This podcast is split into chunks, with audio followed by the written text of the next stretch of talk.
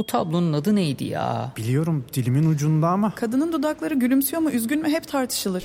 Sadece tablonun adı değil, etrafındaki çerçeve, bulunduğu müze, hakkında çıkan haberler, eserin sahibi ve daha birçok bilgi Samsung Galaxy S24 serisi ve Circle to Search ile dilinin ucunda değil, parmağının ucunda. Galaxy AI ile gelecek işte bu kadar kolay.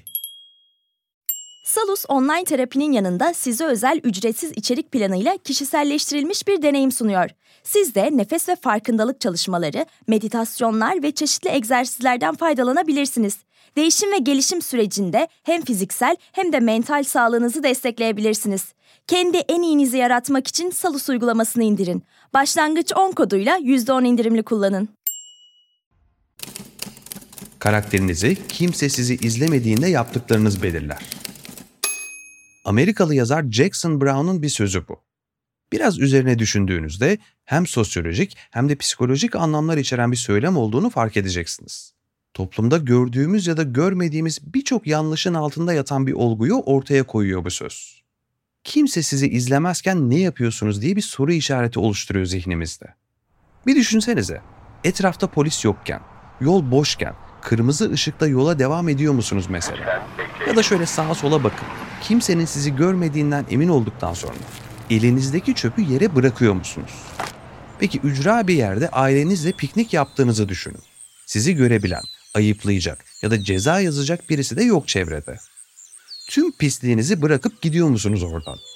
Bunlara benzer sayısız sorgulama yapabilirsiniz kendiniz ve çevrenizdekiler için. Ki yapmalısınız da. Zira kimse sizi izlemediğinde yaptıklarınız gerçekten de karakterinizi belirliyor. Ama bundan daha önemli bir şeyi de koyuyor ortaya. Ahlaki değerlerinizin sınırlarını.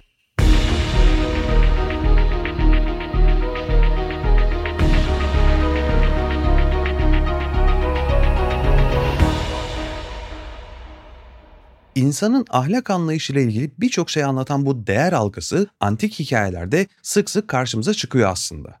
Mesela Platon'un Devlet kitabında abisi Glaukon üzerinden anlattığı Giges'in Yüzüğü isimli hikaye buna verilebilecek en iyi örneklerden birisi. Bu hikayede sahibine görünmezlik gücü bahşeden bir yüzükten bahsediliyor. Hikayeye göre Giges isimli bir çoban bir gün kasırganın ortasında kalmış. Ortalık yatıştıktan sonra ise kendini bir çukurda bulmuş. Çukurda bir ölü ve onun parmağında da bir yüzük varmış. Giges bu yüzüğü sahip olduğu güçten habersiz bir şekilde takmış parmağına. Ve her zaman olduğu gibi tüm çobanlarla birlikte krala hesap vermeye gitmiş. Lidya kralının huzurunda sırasını beklerken parmağındaki yüzüğün taşıyla oynamaya başlamış. Ve birden görünmez oluvermiş. Yüzüğün taşını sağa çevirdiğinde göründüğünü, sola çevirdiğinde ise görünmez olduğunu fark etmiş böylece. Bulduğu bu gizemli yüzüğün gücünü herkesin şaşkın bakışları arasında keşfetmiş Giges. Bunun üzerine görünmez olarak saraya girip önce kraliçeyi baştan çıkarmış. Ardından da onun yardımıyla kralı öldürüp tahta oturmuş. Çoban Giges, yüzüğün gücü sayesinde Lidya'nın kralı olmuş. Hikayeyi anlatan Glaukon, bu tip bir güce sahip olabilecek kişilerle ilgili şöyle kötümser bir çıkarım yapıyor. Bunlar her istediklerini korkmadan alacaklar. Evlere girip hoşlandıkları kimselerle gönüllerince düşüp kalkacaklar. Canları kimi isterse öldürecek, kimi isterse hapisten kurtaracaklar. Tıpkı bir tanrı gibi dilediklerini yapacaklar. Hatta daha da ileri giderek insanların ahlaklı ve doğru davranmasının tek nedenini ayıplanma ve ceza korkusu olarak da ifade ediyor Glaukon. Aksi halde insanlar tanrıcılık oynamaktan asla geri durmayacak ona göre.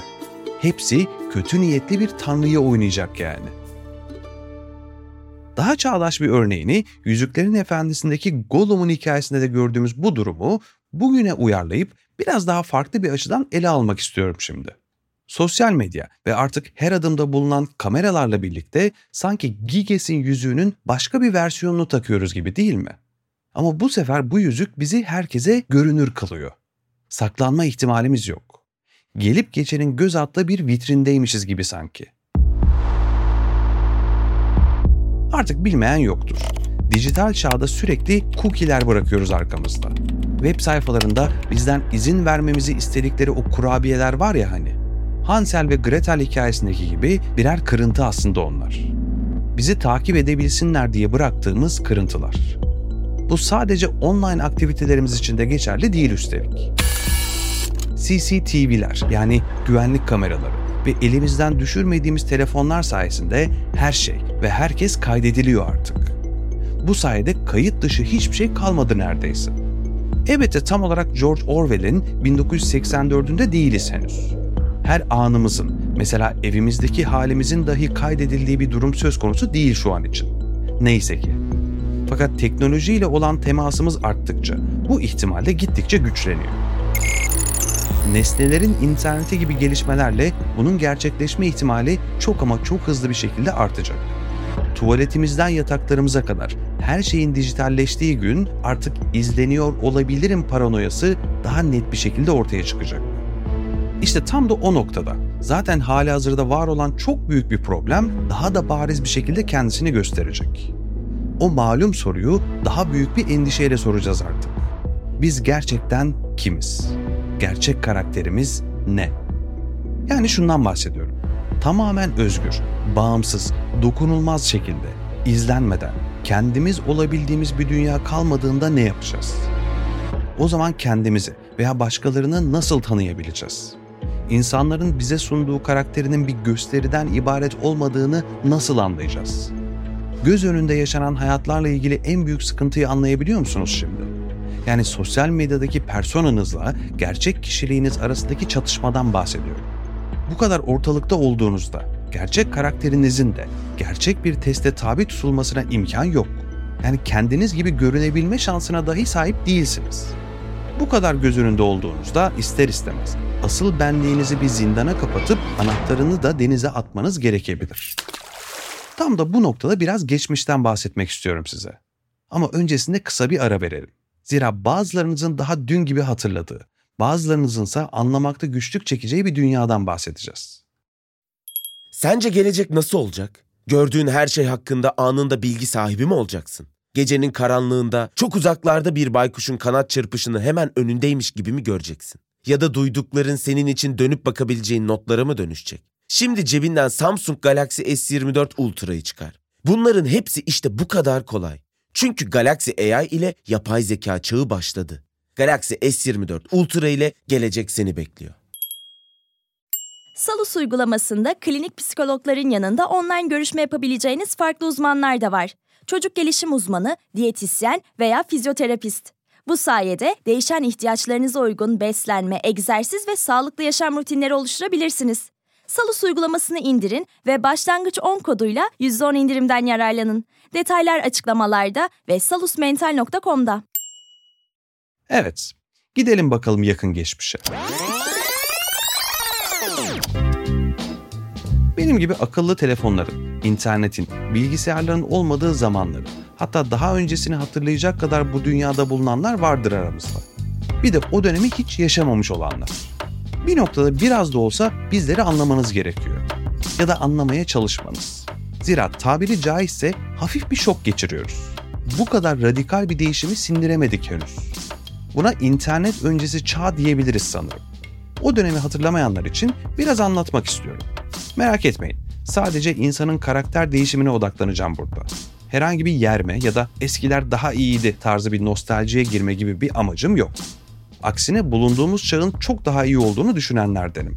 Ancak insanların unplugged yani bağlantısız yaşadığı ve izlenme korkusu duymadığı bir dönemde toplumun sağlıklı bir şekilde işleyebilmesi için cesaret, nezaket ya da adalet gibi değerler ve kişilik özellikleri çok çok önemli sayılır. Karakter sahibi olmak en mühim şeylerden biri olarak görülürdü.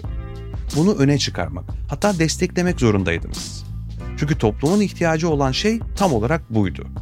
Bu değerlere sarılan insanlar da Giges'in düştüğü duruma düşmemek için ne olursa olsun bu değerleri savunur, kimse yokken de karakter göstermeye çalışırdı. Tabi herkes böyleydi demiyorum. Ancak toplumu ayakta tutan bir grup için şartlar böyleydi kesinlikle. Bugüne geldiğimizde ise dikkat edin. Birçok insan için doğru davranış gösterme kıstası izlenip izlenmediğiyle paralel ilerliyor. İnsanlar ifşa olma korkusuyla disipline ediliyorlar sanki. İşte burada çok büyük bir sorun doğuyor. Ahlak elbette başlı başına tartışılabilir bir konu. Ancak genel anlamda doğru olanı yapmaktan bahsedersek, insanların puan toplamak ya da like almak için doğru davranması problemi karşımıza çıkıyor. Bunun altında da elbette onaylanmak ve onaylanmaya duyulan karşı konulamaz istek var. Artık bir noktada kendi karakterimizi ortaya koymayı bırakıp iyi bir takım oyuncusu olmaya odaklanıyor ve takım nasıl davranıyorsa ona göre hareket etmeye meyilli oluyoruz. Tek yapmamız gereken herkesin doğru olarak kabul ettiği bir akımı desteklemek.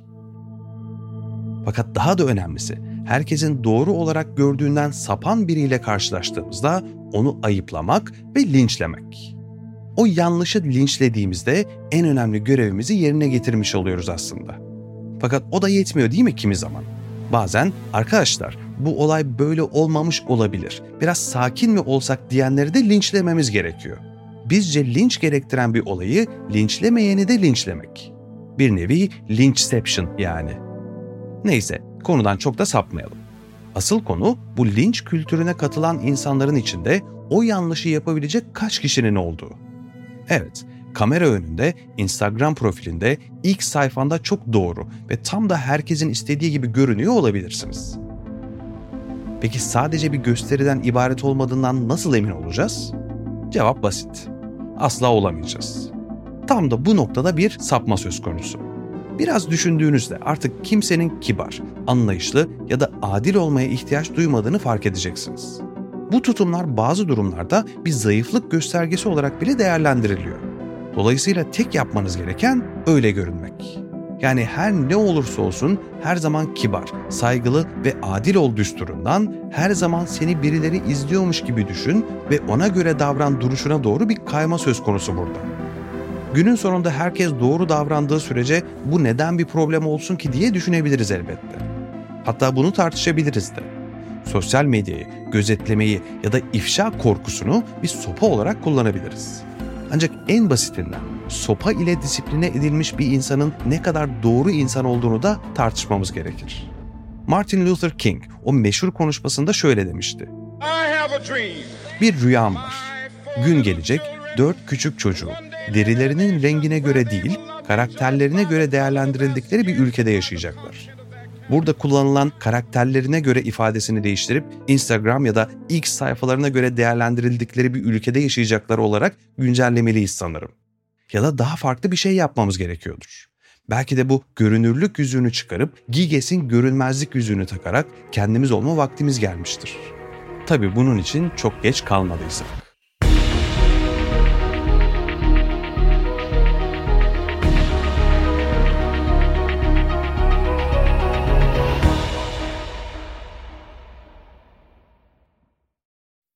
Boğa ve Venüs arasında 120 derece üçgen açılarla desteklenecek. Yeni ay ve devam eden süreçlerde tutumlarımız önem kazanacak. Özetle pozitif olun.